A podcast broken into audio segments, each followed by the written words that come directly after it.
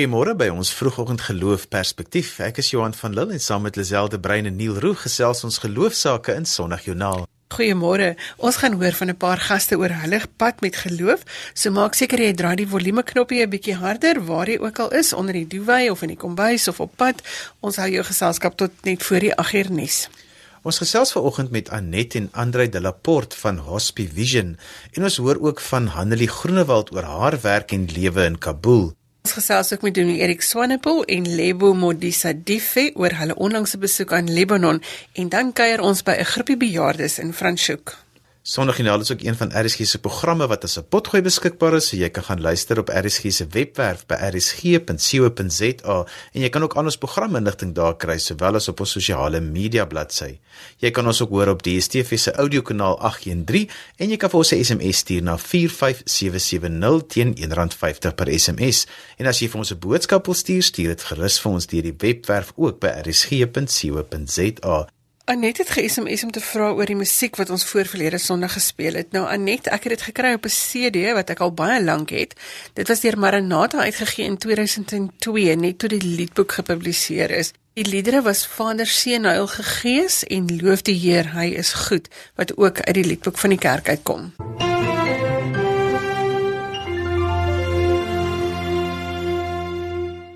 Vandag is Gesondheidsorg Sondag en daarmee word fokus op gesondheidsorg geplaas reg oor Suid-Afrika en ook in die res van die wêreld.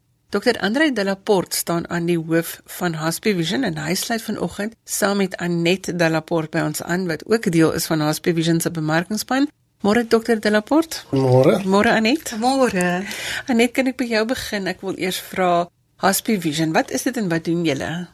Dit gaan oor 'n visie vir hospitale ons het die voorreg om in 13 staatshospitale te werk en ons ondersteun die pasiënte, die familie en die personeel. Vir my is die beste om met stories te werk en ek dink aan die dogtertjie wat bang was vir die donker en haar ma geroep het en gesê: "Mamma, ek is bang." En haar ma was nie lus om op te staan uit haar lekker warm bed nie en sê: "Toe maar, Jesus is daar by jou." En sy het so 'n oombliekie stil gebly en gesê: maar ek het iemand nodig met vel oor. En dit is wat ons pasiënte ervaar. In die hospitaal kom lê die bangte, jou hele lyf vol. Jy het baie tyd om te dink, baie tyd om vrae te vra waarop jy nie antwoorde kry nie. En jy het iemand nodig wat langs jou kom sit, jou hand vashou en na jou luister. En die omvang van die krisis, jy weet ons het nou die dag 'n mamma ontmoet wie se man in 'n motorongeluk oorlede is. Die volgende dag is haar baba vroeggebore en sy is nou al vir 5 maande saam met haar dogtertjie in die hospitaal om saam met sulke mense te reis, om daar te wees vir die familie wanneer die masjiene afgeskakel word en om vir die verpleegsters te sê julle is fenomenaal. En ek reël gereeld met hulle nie emosionele ontlontingssessies nie, maar bemoedigingssessies want dit het ons almal nodig. 'n vel wat iemand aan kan vat, 'n drukkie vir wanneer iemand siek is. Ja. Dit is Hospice Vision wat dan vir mense 'n vel gee om aan vas te hou. Hoekom Dr. Delaport iets soos 'n gesondheidssondag? Gesondheidsorg Sondag het eintlik 'n baie lang geskiedenis en dit was vroeër bekend as Lukas Sondag omdat dit verwys na Lukas die geneesheer en wêreldwyd op hierdie spesifieke Sondag word daar gedink aan pasiënte aan personeel, aan familie, maar ook aan die verantwoordelikheid van die kerk teenoor mense wat in gesondheidsorg is. Jy het ook binnekort 'n konferensie waar palliatiewe sorg bespreek gaan word. Hoekom is dit nodig? Palliatiewe sorg lê in die kontinuum van sorg wat begin met voorkomende sorg, daarna genesende sorg en daarna palliatiewe sorg. In Engels sê mense dit eintlik 'n bietjie beter, preventative, curative en palliative. So palliatiewe sorg het te doen met die fase van siek wees waarin daar geen aktiewe behandeling meer is nie. Die fokus is dan om die pasiënt gemaklik te maak, die pasiënt se pyn te hanteer en bystand te bied. Natuurlik is spiritualiteit 'n baie belangrike deel van palliatiewe sorg en dit word wêreldwyd ook erken dat die pasiënt se geestelike nood net so belangrik is soos die fisiese en die psigososiale nood. En dit gaan veral daaroor om mense wat werk in die gesondheidsorgberoepe, maar ook uh mense wat ondersteuning bied om hulle bewus te maak van hoe om die pasiënt die beste by te staan in die laaste deel van hulle lewensreis. Het julle 'n spesiale spreker by die konferensie? Die konferensie word aangebied deur professor Christina Poalski. Sy is van die George Washington Instituut vir Spiritualiteit en Gesondheidsorg. So ons is baie bevoorreg om 'n kenner te hê wat wêreldwyd bekend is om met ons te kom praat oor spiritualiteit en hoe dit inpas. Ons wil veral mense wat in die gesondheidsorg beroepe is aanmoedig om die konferensie by te woon. En dit is belangrik om uit te lig dat hierdie konferensie ook geregistreer is vir voortgesette opleiding CPD punte en dit geld vir al die verskillende beroepe. Dit wil sê dokters, sielkundiges, maatskaplike werkers, leraars, almal kry CPD punte as hulle die konferensie bywoon. Terwyl ons oor die konferensie praat, waar gaan dit wees? Die konferensie word in Pretoria aangebied op die 27ste Oktober, die Vrydag en dan word die konferensie herhaal op Maandag die 30ste in Kaapstad. Is daar nog tyd vir mense om in te skryf? Daar is nog tyd vir mense om in te skryf. Ons het nog plek. Wat kan gelowiges doen om hulle Bybelse opdrag rondom gesondheidsorg na te kom? Ek dink daar's 3 dinge wat ek wil uitlig. Die eerste is om te bid. Ons kan almal bid. Baie mense is nie lief daarvoor om in die hospitaal te kom nie, maar almal van ons kan bid dan is dit baie belangrik om ondersteuning te bied vir mense wat met siekte worstel, maar ook vir die gesondheidsorgberoepe. So mense word aangemoedig om uh die verpleegsters, die dokters, die maatskaplike werkers in hulle gemeentes te ondersteun en dan om te besoek. Baie gemeentes het 'n hospitaal binne hulle grense en ons moedig gemeentes aan om geestelike verantwoordelikheid vir daardie hospitaal te aanvaar en ook om te reël dat daar geestelike sorg in die hospitaal gedoen word. Anet, ek het nou die dag in die hospitaal gestaan en gevra of hulle nog iemand het wat versorg en toe sê hulle nee, dit hang nou af van die pasiënt soos wat hy nou mense wil bring. Jy het genoem van om 'n vel te wees vir iemand wat sorg nodig het, wat net daai bietjie ondersteuning nodig het. Wat sou ons sê vir gelowiges is hulle uitdaging om net vir hierdie mense te gaan bystaan. As iemand wat jy nou nie ken nie in die hospitaal is, hoekom sou jy hospitaal toe gaan en hoe sou mense doen? Omdat dit jou lewe verander. Ons lei vrywilligers op met kort kursusse en ons het op die oomblik byvoorbeeld by Tygerberg 'n groep van verskillende kerke wat op 'n Saterdagmiddag kom uitreik. En die een goue draad wat deurloop is dat mense kom sê Ek het langs hierdie pasiënt gaan sit met die behoefte om die pasiënt te bemoedig en die pasiënt het my bemoedig. En waaroor dit gaan is dit gaan nie om antwoorde te hê nie. Ek dink ons glo dikwels as gelowiges ons moet die antwoorde gee. Ons het gevind dit is meer kragtig om te sê ek het nie 'n antwoord nie, maar ek is hier en ek gaan jou hand vashou. En net om langs iemand te sit maak so 'n verskil. So moenie dink dat die min wat jy kan doen nie tel nie. Dit is juis wat nodig is. Maar daar's baie mense in die hospitaal wat nooit besoek ontvang nie. Absoluut en veral in ons staatshospitale, onder dit spesialishospitale, is kom die mense van ver uit die platte land. Ons het byvoorbeeld by Tygerberg Hospitaal 'n kinderhospitaal waarin 200 premature babas se mammas by hulle bly vir 2 tot 3 tot 4 maande. Jy dink wat 'n verskil maak dit om langs so 'n mamma te kom sit en haar te bemoedig. Dit is vandag Gesondheidsorg Sondag, Lukas Sondag soos wat dit bekend was. Baie dankie vir julle werk en baie dankie dat julle vanoggend 'n bietjie van julle hart en werk met ons kom deel het. Wees Jesus met vel oor. Baie dankie vir die voorreg om hier so te wees. Ja, dit is so 'n belangrike werk wat deur Hospie Vision gedoen word. Ons besef dikwels eers hoe belangrik ons gesondheid is as ons dit verloor het. Lisel het gesels met Anet en Dr. Andre de Laporte. Jy kan hulle kontak by anet@hospievision.org.za of jy kan vir Anet skakel by 083 794 3537. Dit is 083 794 3537 as jy meer inligting oor hulle werk sowel as 'n konferensie wil hê. As jy sopas ingeskakel het, sê ons goeiemôre. Die program is Sondag Joernaal saam met Johan Lazel en Neil agter die kontroles. Gemaak gerus 'n draai op RSG se webblad by rsg.co.za of op ons Facebook bladsy as jy meer van ons wil weet en ook ons programinligting benodig. Jy kan ons ook SMS by 45770 teen R1.50 per SMS en ons hoor baie graag van jou.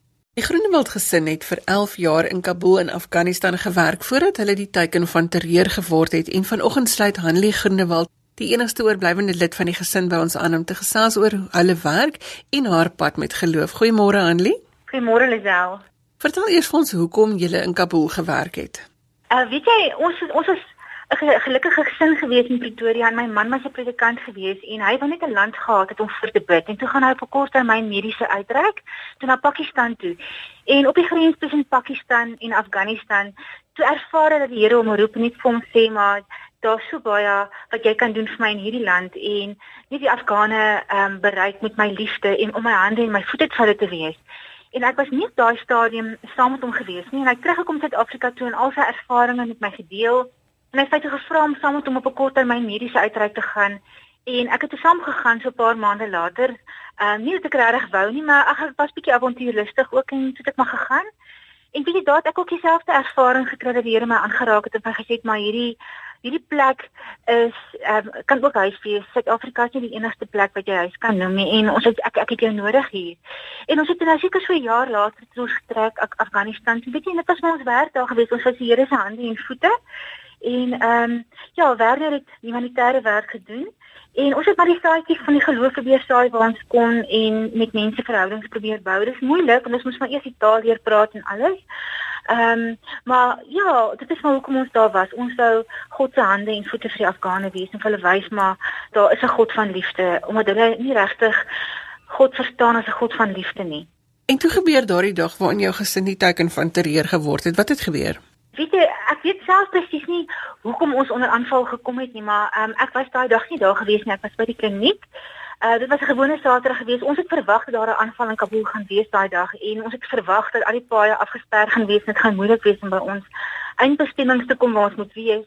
Ek was by 'n VN vergadering geweest in die stad want om omdat hulle die aanval vermoed het uh, dat dit gaan plaasvind dat hulle woude mediese personeel daar gehad het en ehm um, dat jy later die middag toe nou terugkom by die huis, toe kon ek nie by die huis inkom nie as gevolg van gepantserde voertuie en soldate en polisie wat oral rond gestaan het. Ek het net geweet daar 'n aanval plaasgevind, maar ek kon nie mooi verstaan wat aangaan nie want alles was doodstil. Terwyl ons gewoond was daaraan dat as daar 'n aanval plaasvind, dan is dit geweer vuur en is AK47 en bomme en granate en so aan. En op daai stadium het ek nie geweet dat my familie familie alreeds dood is nie. En vir eers seker so ure wat later het die polisie hulle aangeval, het die selfmoordbommers hulle self laat ontplof en ehm um, ja, dit was nou basies 'n kort wat gebeur het en toe ek nou alleen agtergebly het. Annie, ek sukkel behoorlik om geloof kop bo water te hou met my alledaagse dinge wat hier rondom my gebeur met my geloof uitdag. Maar jy het daarin geslaag om uit die as uit op te staan sonder verwyte en om jou lewe in geloof voort te sit. Help my om te verstaan hoe doen 'n mens dit na so iets? Dit is nie 'n maklike ding om ehm um, te verstaan nie. Maar die Here het my regtig uit hierdie ding uitgedra. Ek ek vertel baie keer vir mense dit is soos 'n wattetjie wat jy om jou lyf draai en God het my regtig van daai verskriklike pyn ehm um, beskerm. Dit gaan oor jou persepsie. Die mensdom voel dat die lewe moet maklik wees. En ek dink ons almal trap in daai struik van dat die lewe moet maklik wees en dit moet smooth sailing wees. En dit is nie so nie. Die lewe is ongelooflik moeilik en 'n groot uitdaging. En as mens nie voorberei is daarop dat probleme oor jou pad gaan kom nie, dan gaan dit vir jou moeilik wees, gaan jy verkrummel. So ek dink die eerste ding wat mense besef is, die lewe is moeilik en verlies en pyn is deel van die lewe. En ehm um, ons verander selde as alles wat ons goed gaan. En dis in daai tye van pyn en ons trials and tribulations wat God homself aan ons openbaar en hy ontmoet ons daar in die kern, in die oog van die storm. En dan kan hy ons verander. So jy kan of bitter word en jouself wegdraai van God af of jy kan beter word en nader aan hom groei. So dis die eerste ding wat ek geleer het is jou persepsie dat die lewe is nie maklik nie en verlies is deel van die lewe. En die tweede ding wat ek geleer het is Wat glo ek van God se karakter? Want God sê deur sy hele woord vir ons dat hy 'n liefdevolle en 'n genadige God is. Hy sê ek is liefde. Glo jy dit? Want die eerste ding wat met ons gebeur as ons 'n krisis ervaar is, ons dink dadelik God bestaan nie. Of ons dink uh God weet nie van my nie of hy's nie lief vir my nie. En hoe kan 'n liefdevolle God so iets toelaat? So as jy regtig glo wat God in sy woord sê oor homself wie hy is, ek is liefde, dan gaan dit veel baie makliker wees om hierdie ding te kan verstaan. Ehm um, God se karakter en wie hy is. En dan die derde ding wat ek geleer het is wat is my identiteit in God? Met ander woorde, wat dink God van my? Ek is God se kind. Ek is 'n geliefde en 'n begunstigde van God. En daarom beweeg ek in die guns van God. En dit maak dit so belangrik om die aanslae van die lewe te kan weerstaan as jy weet presies wie en wat jy is in die Here. Dit is verskriklik belangrik. En in hierdie pyn verander God ons karakter. Romeine 8 vers 28 sê vir ons so duidelik dat God sal alles ten goeie laat meewerk vir die wat hom liefhet en wat volgens sy besluit geroep is. So ek glo met my hele hart dat alles wat verkeerd gaan my lewe en al my probleme en al my trials en tribulations is ehm um, God sal dit gebruik. Hy laat dit toe om my te verander. En um, dit is tog belangrik want as ons die dag doodgaan, wat vat ons saam? Nie jou huis nie, nie jou besittings nie, nie jou kinders nie. Jy vat jou karakter saam en mense saam met jou. Met ander woorde, hoe jy geleef het op hierdie aarde en hoeveel mense jy aangeraak het vir God se koninkryk, jy gaan hulle eendag in die hemel sien. En dis waarop ons moet fokus dat ehm um, God is in beheer al voel dit nie altyd so nie. Drie groot goed wat ek geleer het in hierdie hele proses is liefde eerstens om God lief te hê en die mensdom lief te hê. Want ons kry so 70, 80 jaar om mense lief te hê en dit is moeilik baie keer om daai liefde uit te oefen. En die tweede een is net vertroue in God en die derde is gehoorsaamheid. En dit is waarna die Bybel ook opsom. Liefde, getroue en gehoorsaamheid. Dankie Annelie vir die saamgesels. Baie dankie Lisel, mooi dag verder. 'n Merkwaardige storie van vergifnis en kopoptel daarvan Hanelie Groenewald. Dankie dat jy vir ons met jou storie ook hoop gee Hanelie. Hoop en die wete dat niks onoorkomlik is nie. En van Kabul gaan ons oor na Libanon. Inderdaad Johan, baie dankie. Dominee Erik Swanepoel en Lebo Madisa Dife van In Context Ministries is hier by ons in die ateljee en hulle is pas terug van 'n besoek aan Libanon. Goeiemôre Erik. Môre, dit is heerlik om hier te wees en môre aan die luisteraars. Môre Lebo. Môre. Erik net vir 'n kort oorsig van In Context Ministries. Wat doen julle? Ons probeer die kerk help om die seisoen waarbinne ons is te identifiseer. Daar's 'n skrif in Lukas 12 dit sê Jesus het ook uh, vir die skare gesê as julle 'n wolk in die weste sien opkom sê julle dadelik dit gaan reën en dit gebeur ook en as die suidewind waai sê julle dit gaan warm word en dit gebeur huigelaars julle weet hoe om die voorkoms van die aarde en die lug te beoordeel hoe is dit dan dat julle nie weet hoe om hierdie tyd te beoordeel nie ek dink in konteks probeer vir gelowiges so half inligting deurgee rondom wat is die seisoen waar binne in ons as kerk onsself bevind. Daar's soveel chaos in die wêreld. Ons het die vlugtelinge in die wêreld. Ons het die oorloë. Ons het soveel verskillende goed wat mense moedeloos raak terwyl Christen in die wêreld ingestuur het om juis te sê, maak nie saak wat die omstandighede nie, omdat Jesus leef, omdat hy deel is van wat in die wêreld gebeur, goed of sleg is daar juis rede vir Christene om hoopvol in die lewe in te gaan. So ons probeer die seisoen waarbinne in die kerk homself bevind uh interpreteer vanuit 'n Bybelse perspektief sodat mense Bybelse brille opsit op politiek of ekonomie. Want as jy as jy wêreldse brille het, maak jy dit goed jou negatief. As jy geestelike brille opsit, dan vra jy, waarmee is die Here besig? En in hoe mate wil hy my gebruik binne in die sleg? om sy geur te kan versprei. So 'n bietjie van 'n Christelike perspektief op die nuus gebeure. Ja. Lebo, julle kom nou net terug van Libanon af. Hoekom Libanon? Wat gebeur daar wat julle wou ondersoek? ek persoonlik, ek het altyd gehoor van die oorlog in Sirië en die vlugtelinge in Libanon wat in Sirië gaan. So uh ek dink die Here het ons genooi om daarso te gaan en om te sien wat hy is besig om te doen in Libanon. Soms ons kyk in ons kultuur se grense, soos 'n Sotho meisie. Ek weet daar's altyd 'n Sotho spreekwoord wat sê uh God se my ek go bona om te gaan is om te sien, om te reis is om te is om te sien. So ons het gegaan om te sien wat God is besig om te doen en God is besig om groot ding te doen in Libanon en uh by die vlugtelinge in van Sirië. Wat is die omstandighede wat julle daar aangetref het?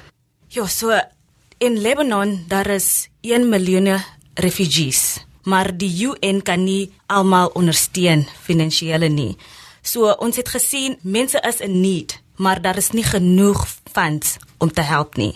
What we saw there was the church uh dat hulle maak hulle hande en hulle harte oop vir die mense en die mense kom op uh like they come to know Christ through through the experience they get hope through that. Erik, is daar hoop? As hy sê hulle kry hoop daar, is daar hoop? Is daar lewe aan die einde van hierdie brander van mense wat uit verskillende lande net inspoel?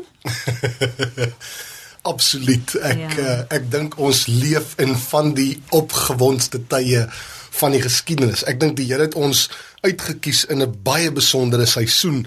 As as 'n ou sou vra as daar hoop is die eerste ding wat in my kop op, opkom uh, dat mense die idee het dat dit 'n klomp chaos is en en verseker dit klomp mense kry seer, dit klomp mense verloor alles wat hulle gehad het.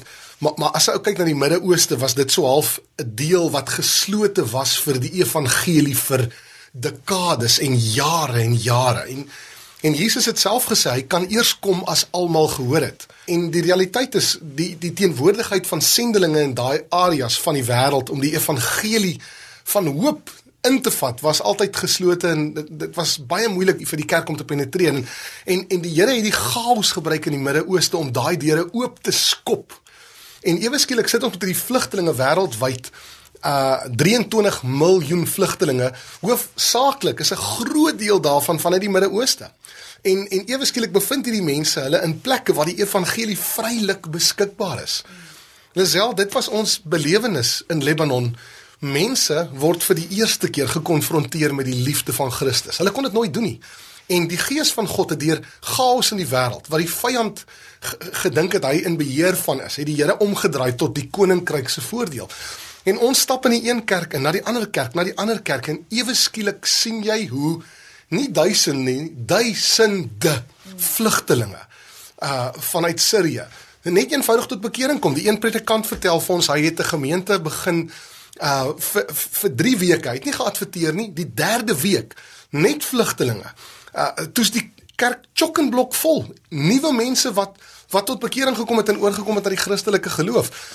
Ek dink as 'n ou dit vir ons eie luisteraars wat ver oggend na die radiostasie luister, moet probeer interpreteer. Ek dink Daniël 2:21 staan daar God wat tye en omstandighede verander. Wat konings afsit en konings aanstel wat aan die wyse manne die wysheid gee en die verstand aan die wat insig het. Ons bevind ons in 'n situasie in Suid-Afrika waar mense hoop verloor het. Ons het regtig 'n klomp slegte goed wat met ons gebeur, ongeag waar ons onsself bevind ekonomies, polities en ons is so vol kritiek. Ek wonder of die Here nie dalk iets van die gees van Caleb wil terugbring in die kerk om te sê ten spyte van die reëse, ten spyte van die gevaar, ten spyte van hoe sleg in die fisiese atmosfeer en of die riem, hoe dit lyk. As ons weet wie die God is wat aan ons kant is en waarmee hy op pad is met sy volk, sal ons soos Josua en Caleb sê, ons gee nie om hoe dit lyk nie. Die Here is in beheer, hy kan ons stuur. So, is daar hoop vir Suid-Afrika, is daar hoop vir die wêreld? Absoluut. Jesus is by ons. Hy het gesê ek sal julle nooit verlaat nie.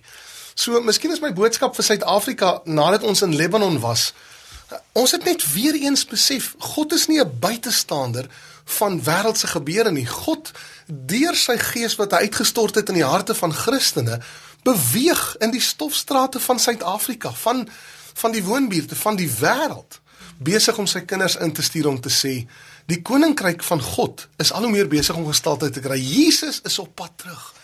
En hy stuur ons in hierdie wêreld in om daai hoop en daai geur te gaan versprei. Ons het nou van Hanlie gehoor wat gesê het dat dit moontlik is om deur hoop en liefde uit die as uit op te staan. Sou dit julle boodskap ook wees Lebo vir Suid-Afrikaners vir alles wat hier by ons gebeur as ons dit nou moet toepas, as ons dit moet deurtrek? Ja, nee, definitief, definitely. My personal message is wees liefde buite jou grense. Soms ons ons kyk in ons die grense van van ons kultuur. In Suid-Afrika ons het baie 'n uh, uh, uh, kultuur ons kyk in, in ons grense van ons kultuur ons kyk in die grense van onsself en die grense van ons hart, maar ek dink ons moet wees lief buite daai grense. Ek dink ons kan nie met 'n beter boodskap as dit afsluit nie, Erik, om te sê kyk buite jou raamwerk, buite jou mm, grense ja. en wees lief en sien die hoop ook daar raak. Ja. ja. Nee, uh, Lisel baie dankie vir die geleentheid. Ek wil as ek mag dalk graag ook 'n versoekerig mense kan ons webbladsy gaan besoek. Ons probeer wêreldgebeure vanuit 'n Bybelse konteks uh, vir mense weergee. Mense kan inskryf vir ons nuusbrief en en die gedagte agter dit is juis om hoop te bring. As uh, mense ons graag wil ook uitnooi na hulle gemeentes toe, ons uh, bedien graag met uh, dit waaraan die Here ons blootgestel het, veral uh, wat ons tans sien met vlugtelinge. So daar is hoop want Jesus leef. Hy leef nie net nie. Hy het sy gees in my hart uitgestort. Hy leef in my. Daar is besonder baie inligting wat 'n mens kan gebruik wanneer jy vrae kry, wanneer jy antwoorde soek. Gee gou weer vir ons daai webadres. Dis www.incontextinternational.org. Baie dankie vir die samestelling. Dankie dat julle so 'n bietjie van julle hart en 'n bietjie van julle lewe met ons gedeel het, Lebo. Ons hoop ons gaan jou 'n bietjie meer in die ateljee kan kry hier by ons om vir ons oor hierdie geskiedkundige gebeure te vertel. Baie thank dankie vir die saamkuier. Dankie baie dankie vir jou. Baie dankie. Die stemme daarvan Dominee Erik Swanepoel en Lebo Modisa Dife gaan loer gerus op hulle webwerf by incontextministriesinternational.com vir meer perspektief as dit wat hulle sopas met ons gedeel het. Lisel was verlede week in Franshoek by die ACVV net saam met 'n senior klip daar gaan tee drink. Kom ons hoor hoe lyk die gemeenskap daar. Jean-Marie vertel vir ons van hierdie groepie wat bymekaar is. Groendenne is 'n bejaarde klub wat die gemeenskap van Franshoek, maar meestal Groendal, uit bestaan Hulle is nou al 'n redelike tydjie wat hulle bymekaar kom. Wat ons doen as ons bymekaar kom, ons drink tee, eet koek. Ons het een tannie in die groepie wat altyd die gebak vir ons voorberei. En dan brei ons ook poppies wat ons by skole gaan uitdeel. En ja, ons brei poppies en ons gaan deel dit uit met 'n storie. En die storie van die poppies is dat elke kind uniek is en dat jy jouself moet beskerm. So ja, hulle is um bejaarde mense uit die gemeenskap uit en hoe hulle ook ontstaan het is ons as maatskaplike werkers het tuisbesoeke gaan doen en gesien in hierdie huise sit hierdie ou mense niks om te doen deur die dag nie. Miskien is meeste van hulle se mans of vrouens is al oorlede. Hulle kyk na hulle kinders, kleinkinders en soms van hulle die meeste van hulle het al agter kleinkinders en hulle is die mense wat die huis in die gang moet hou en hierdie kinders moet sorg vir. En tot ons gevoel Hulle kom nie by mekaar uit nie. Hulle is nie gesond om te loop tot by die volgende huis om iemand te gaan kuier nie. So kom ons begin die groepie en die groepie is 'n ondersteuningsgroepie waar hulle net kan kom en gesels. Huil as hulle moet, lag as hulle moet en hier kom partykeer die wonderlikste stories uit. So ja, dit is Groendenne en um, ek het dan 'n bietjie vir hulle uitgevra oor hulle geloofstories waarna ons nou nog gaan luister. Hoe vind jy dat jy geloofsondersteuning moet gee aan die ouer mense wat in die gemeenskap bly? Ons voel baie sterk daaroor. Ehm um, die werk wat ons doen vir ACVV, ons ons myn fokus is kinderbeskerming. So hoe ons ons ou mense betrek, dit is vir ons baie belangrik want hulle is die mense wat vir die jonger mense in die gemeenskap die geloofstories aandra en hulle is die mense wat die deur die lewe al kom, deur moeilike tye, deur swaar tye, deur hartseer tye. Hulle gaan soos julle al gaan hoor, gaan het elkeen 'n unieke storie. Elkeen kom deur verskriklike dinge al, maar nog steeds glo hulle aan die Here en hulle hou vas aan hom en hulle selfs bemoedig my om beter te wees, om beter te doen, om 'n beter mens te wees en nader aan die Here te beweeg want regtig die werk wat ons doen bevraagteken ons baie keer die geloof en die Here se werk. En ons weet ons moet dit nie doen nie maar ons sien die akligste goed. En dan elke tweede donderdag om by hierdie groepie te kom gee my net weer nuwe hoop en maak my oë net weer oop oor nuwe dinge in die lewe. So ja hulle is regtig 'n baie geseënde groepie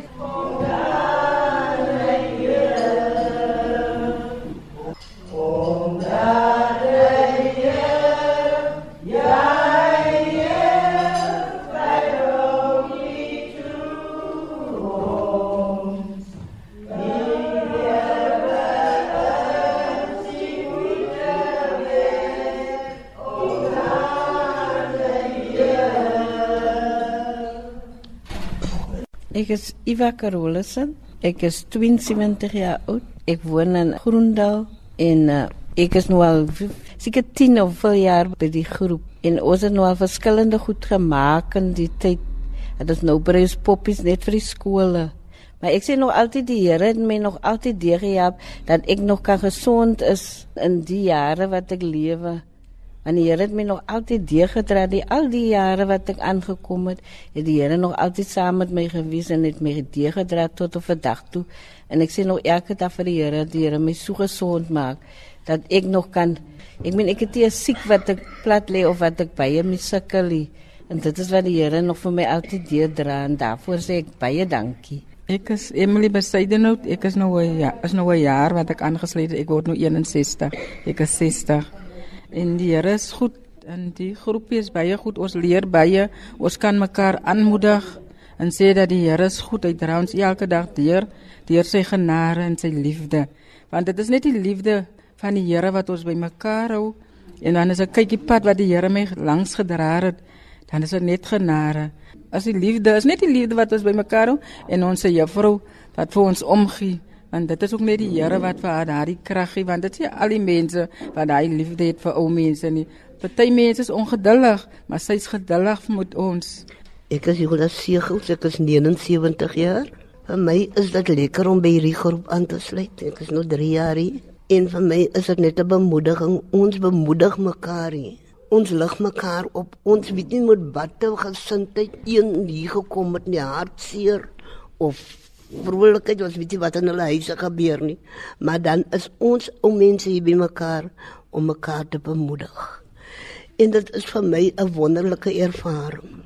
Voorheen het ek 18 jaar by die Sopkopbys gewerk, vrywillige werk gedoen, maar dit was net so plesier vir my gewees. En ek sê vandag vir die Here baie dankie. Dat die Here vir my tot hierdie ouderdom deurgedra het. 25 Januarie volgende jaar is ek 80. Maar dan ek sê nog vir die Here baie dankie dat ek soggens kan opstaan, my oë kan oopmaak, my voete van my bed af kan sit. Want as ek in die oggend wakker skrik, die eerste wat ek doen is ek vir die Here dankie dat ek kan opstaan. Want is 'n genade kans. My lewe was nie so volmaak gewees soos dit nou is nie. Ek het ook maar die duiwel gedien en so. Maar op oulaas het ek uitgevind die wêreld bied jou niks aan nie. Een van my is dit net 'n groot liefde wat God vir my gegee het om ander mense te bemoedig en alles die. Ek het Jane Bates, ek bly in Groenendal. Ek is 81, ek was baie siek. Die Here was baie goed vir my, vir my weer op te tel. My kinders het dan hulle het my verloor. Want ek het die boos wat tussen dat kan ek asem kry nie. En die kerkmense het ook met baie gebid vir my. My vriende het my bygestaan. My buurvrou het vir my baie bygestaan. Dit my bygedoen wat jy gekan het. En dit vir my baie voorreg om dit mense te wees. Vir almal is dit Ivy sy ken van my al jare al. Ons kom baie goed klaar mekaar aan, aan die Linda ook. Ek bemoed dan in die apostolieke. Ek sê hier mijn baie woorde nie, maar ek kan vandag net vir die Here al die eer gee. Ek is uh, Sindra Kibedu. Ek bly in Groendal en ek behoort aan die Congregational Kerk in Franshoek en vir my is dit voorreg om elke tweede week hier bymekaar te kom sodat ek vir almal kan sien en 'n mens reg so gewoond vir hulle. My naam is Clara van het Marcus. Ik bly in Protea Single. En ik is in die kerk. Die kerk zijn naam is Broeders van Christus. En ik is dankbaar en ik is blij dat de Heer mij dier gedragen heeft. Dat op hierdie eer toe. Je weet, ik heb ook een probleem met mezelf gehad. Ik heb verschrikkelijk gerook. Maar ik dank de Heer daarvoor. Dat hij mij dier gedragen heeft. Die rook het veroorsaak dat my bloed loop staan het en my vingers in en uh, toe moes ek op Tygerberg toe en daar het ek gebly vir 'n week hulle geopereer maar ek dank die Here in die hemel hy weet as hy my wil laat sterf het sou ek gesterf het maar ek dank die Here in die hemel hy het my nog lief soos hy my nog lief het het hy my gesê ek is nog nie klaar met sy werkie. Want ek moet nog sy werk moet ek nog kon doen. En ek dank hom daarvoor. By elke operasie was die Here saam met my. Want sy genade is vir my nog genoeg. Selfs hierdie groepie sommige kere is ons by ek by huis het, dan dink ek ja, hierdie groepies bemoedig my so. Ek kan Suster Ivy praat al die so oor die Here. So goed en tierenheid en almal lag en gesels. Jy weet hulle dat die mens so goed voel. En die mens hart. En die Ivy as sy praat, sy sê altyd vir my, sy het 'n droom gehad. Dan kan ek dit vir so uitlê. En dan sê sy vir my wie, dat sy verrit en dan kom die drome ook waar. En ek is nog aan bly daarvoor. Tannie Ivy, klink vir my ons moet lank gesels hier met Tannie Ivy. Juffrou, ek kan nie net by praat nie. Tannie Ivy, dit klink nie vir my hulle stem saam nie. So, vertel vir ons van Tannie se betrokkeheid by die groepie. Ek is nou al 15 jaar in die groep. Ek kom met 'n ander groep uit Juffrou van Groendal en ek is vandag baie dankbaar dat ek hier as die vier groep aangesluit het uit Groendal uit. En hierdie groep is vir my kosbaar. Hulle staan jou by en hulle help jou met alles. Hulle is nie skaam vir jou kos te gee nie, maar een ding is daar wat vir my die wonderlikste is. As ons soggens begin, dan sê juffrou altyd met daardie boekie se lees vir ons uit die Bybel uit. Sy vra wie gaan vir ons bid? Want die dag is ons bidder hier nie in die groep. En dan vanmôre het ek maar net so kort gebedjie gedoen vir ons almal. Maar ek dankie vir die Here dat ek my voete van die bed af kan sit. My geloof is sterk, mevrou, want ek kan vir u baie dinge vertel oor Jesus Christus, want hy is my saligmaker en my verlosser. Want ek bly alleen in die huis nou al vir 5 jaar van my man dood is. Ek slaap alleen en u weet hoe die wêreld daar buite is nou. Maar as ek elke aand my Bybel gevat en ek lees 'n stukkie en ek bid en ek praat met Jesus Christus, dan kan ek voel ek kry sterkte in my. Daar's nie 'n vrees nie, ek is nie bang nie. Ek weet my beskerming is daar en sy naam is Koning Jesus. En daarom sê ek vir almal van ons soos ons hier sit vanmôre, elkeen met sy anker in Jesus vas bevestig, dan sal ons meer vorentoe kan gaan en beweeg in die God. En met daardie kuier is ons aan die einde van vanoggend se program. Van my Johan van Lille tot 'n volgende keer. Totsiens. Jy kan vir my e-pos met kommentaar of as jy 'n geloostorie met ons wil deel, my e-posadres is lazel@wwmedia.co.za of jy kan ook vir ons 'n boodskap stuur deur die webwerf by rsg.co.za. Tot volgende week groet ek dan ook namens produksieregisseur Neil Roo, maak 'n verskil in iemand se lewe, ryk uit en maak iemand se dag makliker. Totsiens.